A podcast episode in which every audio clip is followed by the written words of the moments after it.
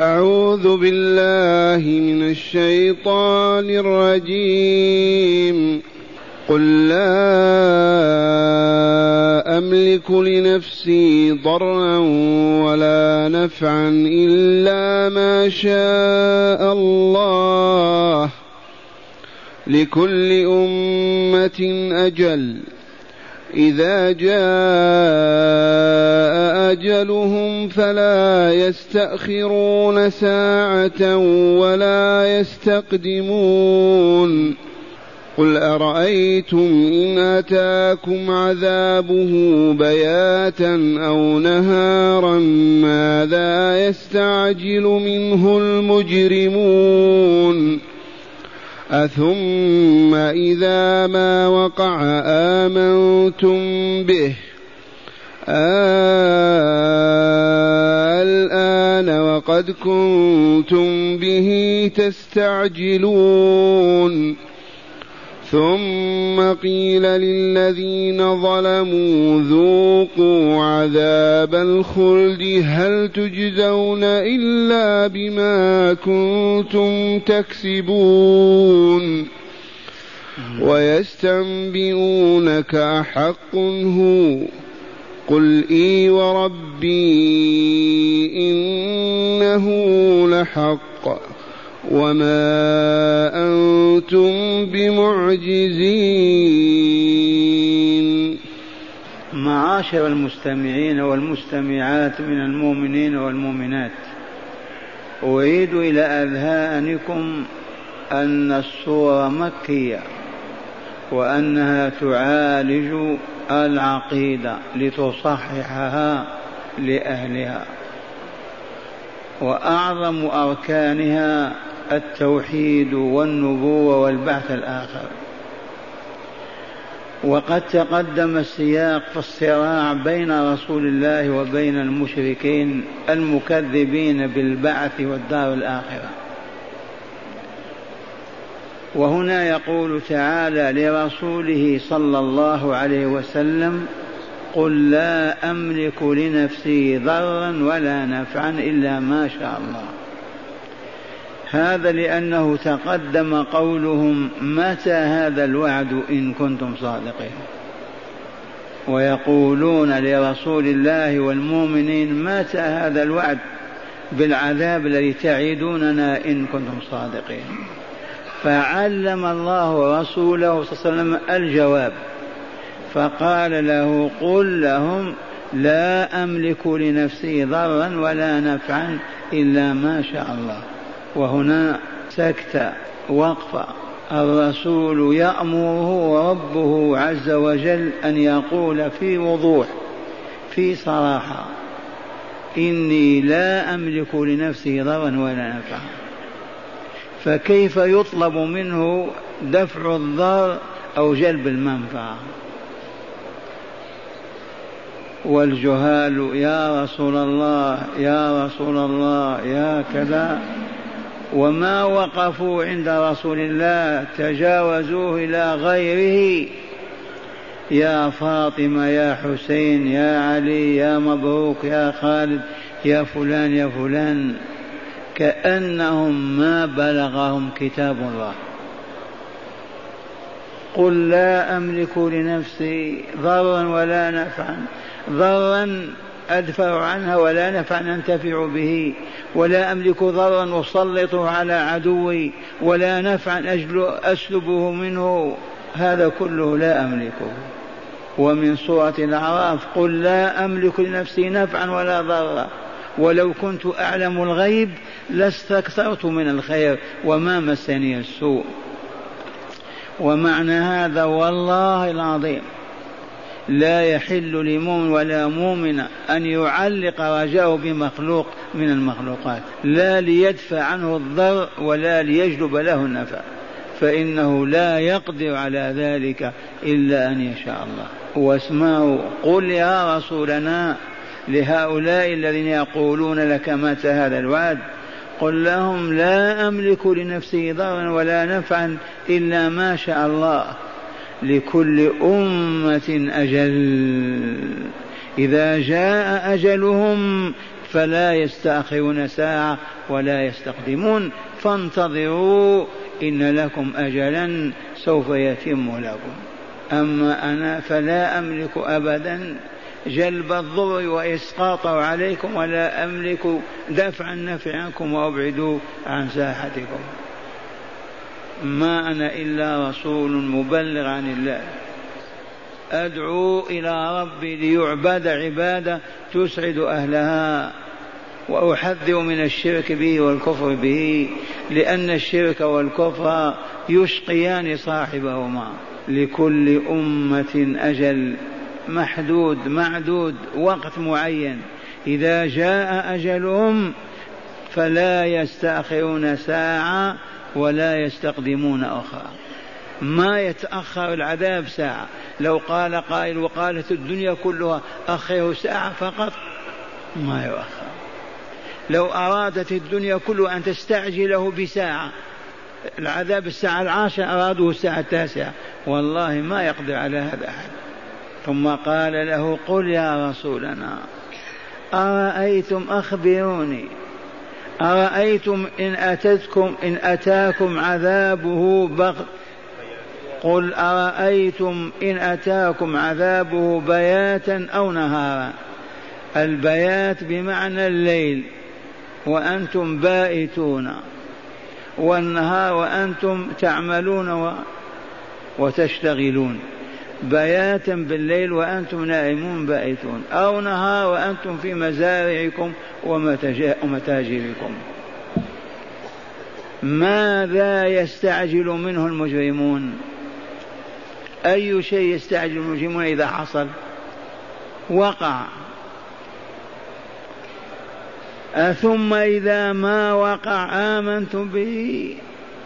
أإذا وقع ثم ثم آمنتم به؟ وهل ينفع الإيمان بعد مشاهدة العذاب ومعاينته؟ هل تنفع التوبة عندما يغرغر وتحجج النفس في الصدر؟ فإذا لاحت علامة العذاب ينفع التوبة.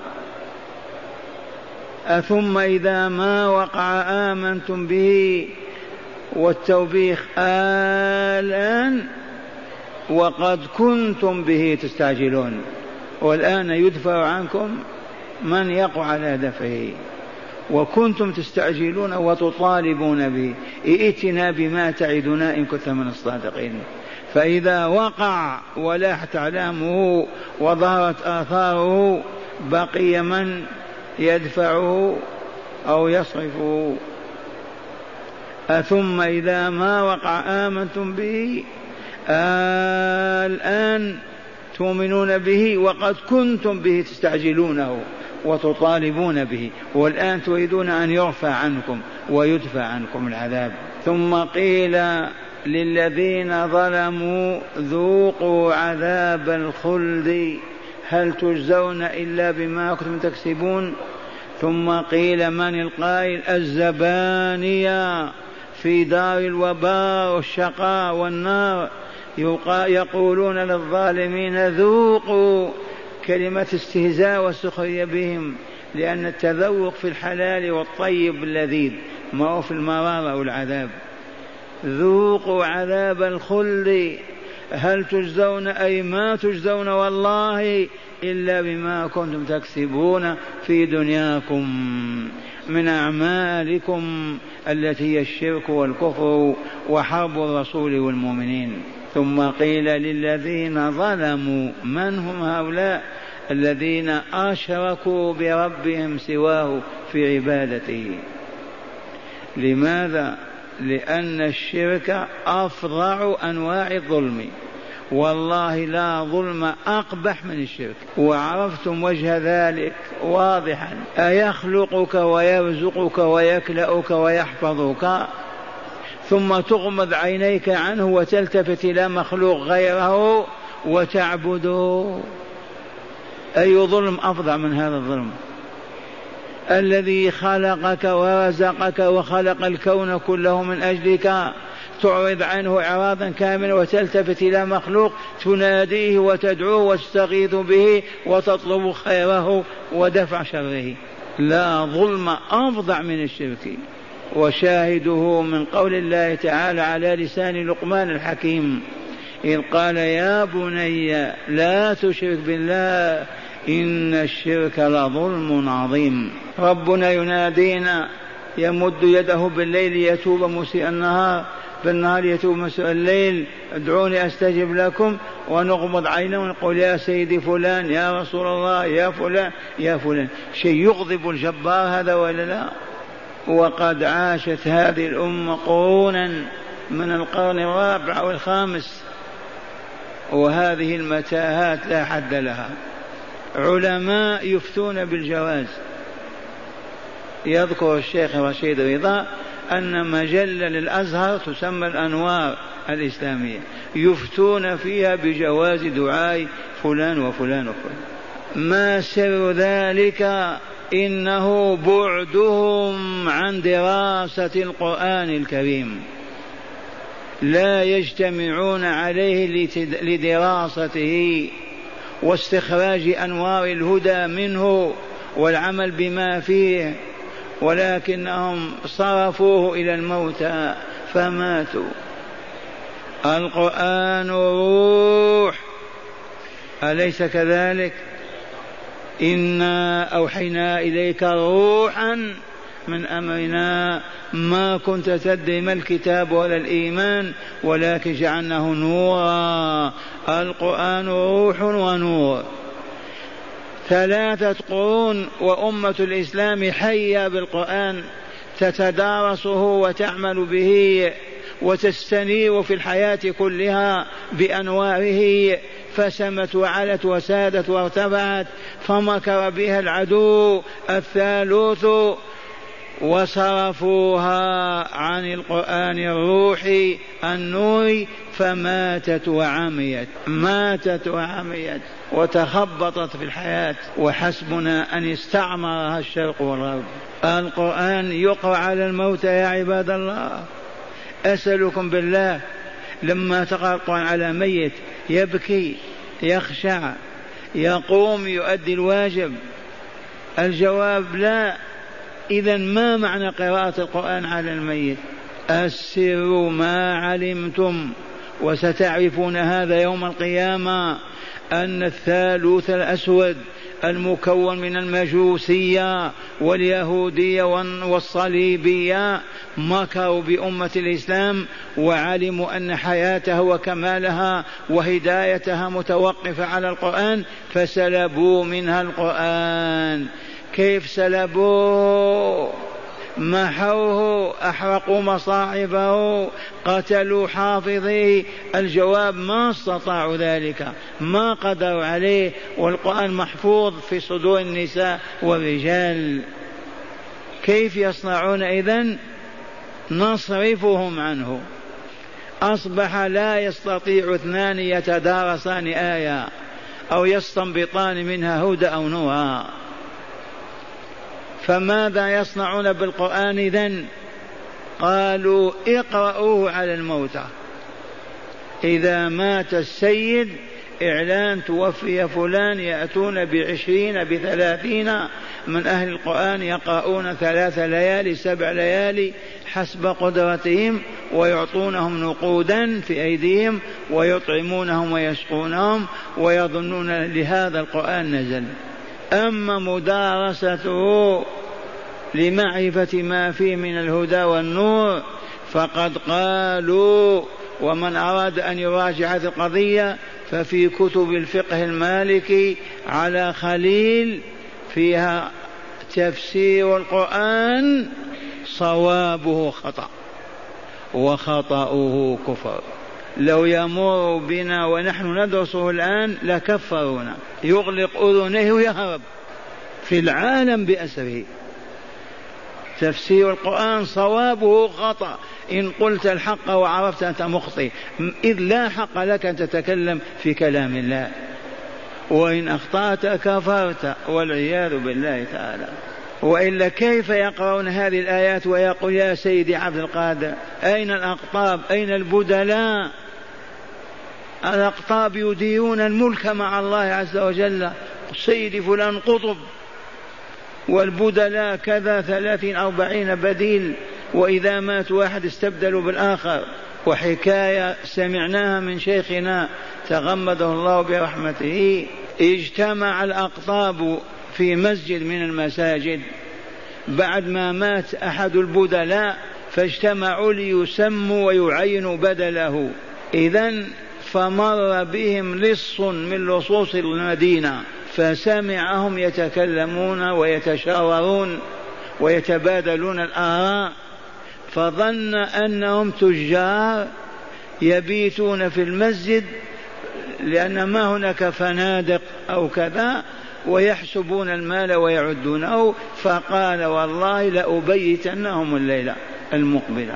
فجاء قبل أن يدخلوا صلى الناس العشاء وهو لف نفسه في حصير من حصور المسجد ووضعها قائمة وجلس واقفا فيها. جاء الأقطاب والبدلاء أرأيتم لو تعينون رضوان أو راضي أو عدنان؟ أخ يقول لا أخ يقول لا. ما اتفقوا.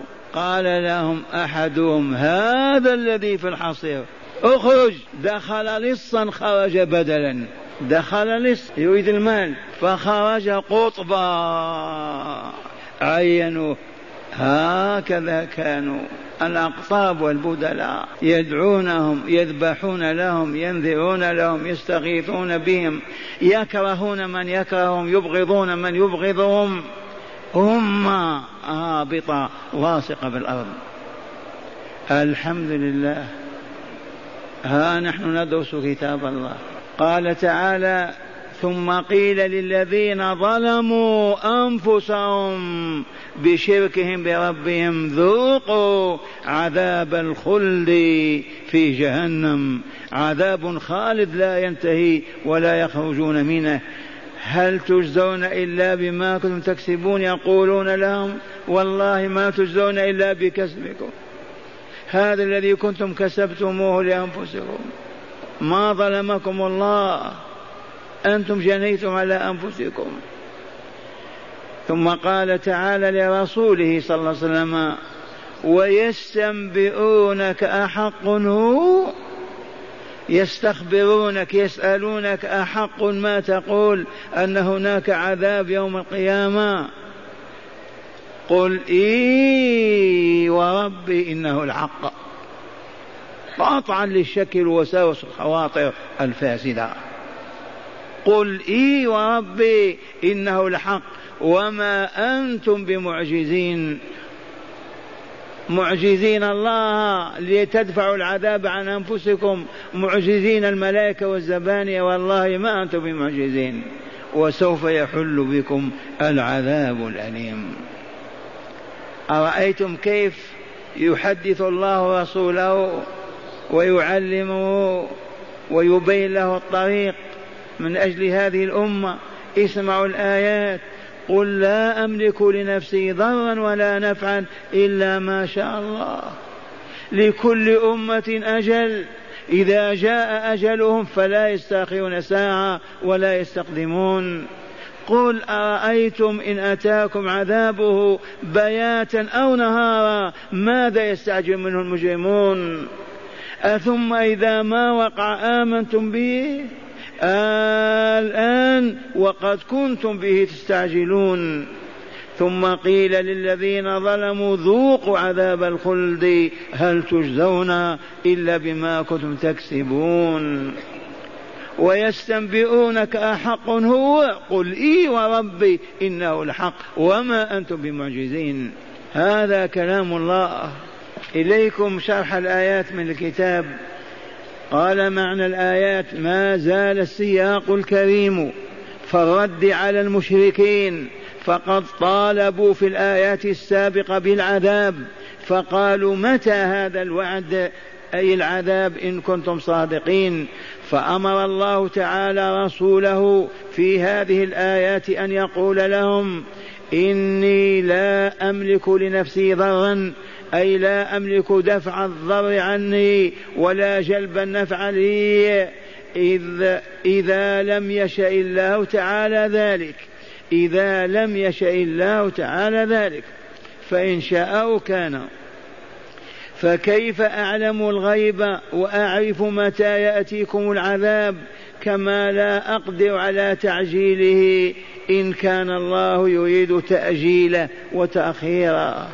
واعلموا أنه لكل أمة من الأمم أجل أي وقت محدد لهلاكها وموتها فيه.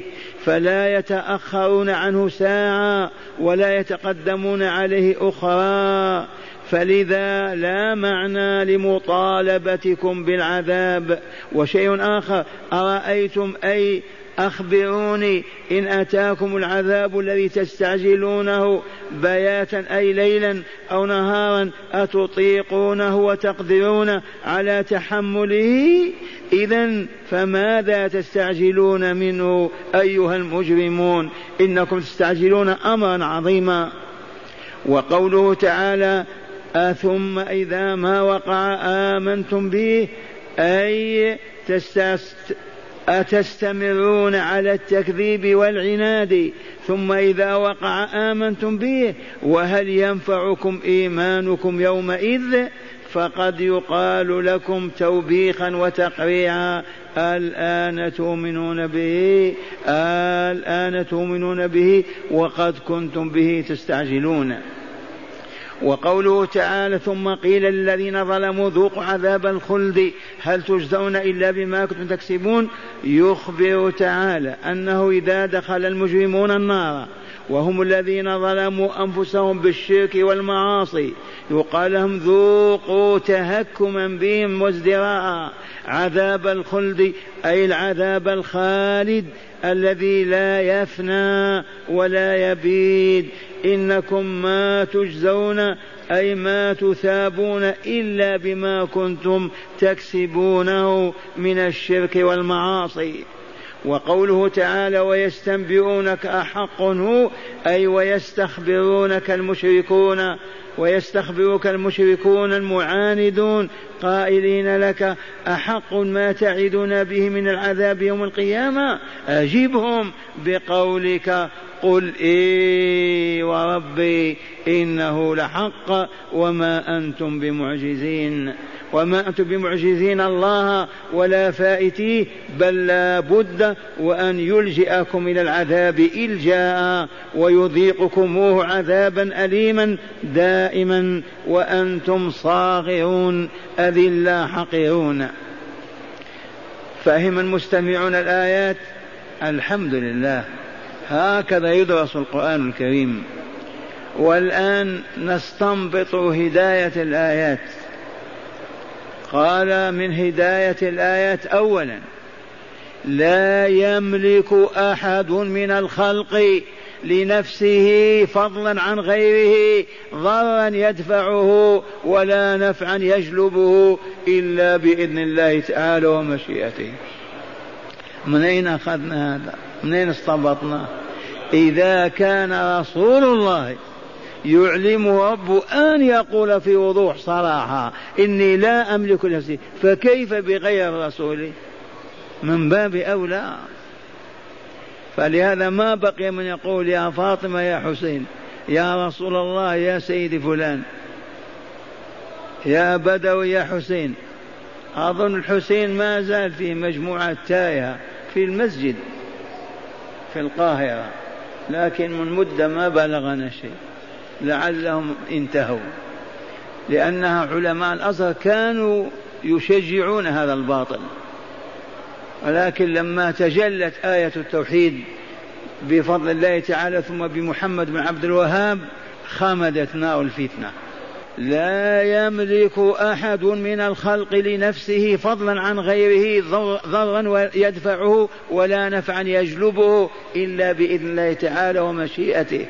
وخاب وخسر الذين يعولون على الأولياء في جلب النفع لهم ودفع الشر عنهم. خابوا وخسروا. ثانيا الآجال محدودة لا تتقدم ولا تتأخر. فلذا لا معنى للجبن من من العبد من العبد. مرة ثانية الآجال محدودة وإلا لا؟ لا تتقدم ولا تتأخر. فلذا لا معنى للجبن من الإنسان لما يجبن الإنسان والأجل محدود. ثالثا لا ينفع الإيمان ولا التوبة عند معاينة العذاب أو ملك الموت. من أين أخذنا هذا؟ أثم إذا ما وقع آمنتم به؟ الآن وقد كنتم به تستعجلون قال لا ينفع الإيمان ولا التوبة عند معاينة العذاب أو ملك الموت. رابعا جواز الحلف بالله إذا أريد تأكيد الخبر. قل إي وربي حلف وإلا أذن الله له أن يحلف. فالحلف بالله مشروع لتقوية الخبر. وتأكيد الكلام. لا إثم فيه ولا عيب. لكن الحلف بالله مع الكذب هذا المحرم. من أين أخذنا جواز الحلف؟ من قول الله تعالى قل إي وربي إنه لحق خامسا أي خامسا أي حرف إجابة. قل إي وربي. أي حرف إجابة وتقترن دائما بالقسم. نحو إي والله لكان كذا وكذا.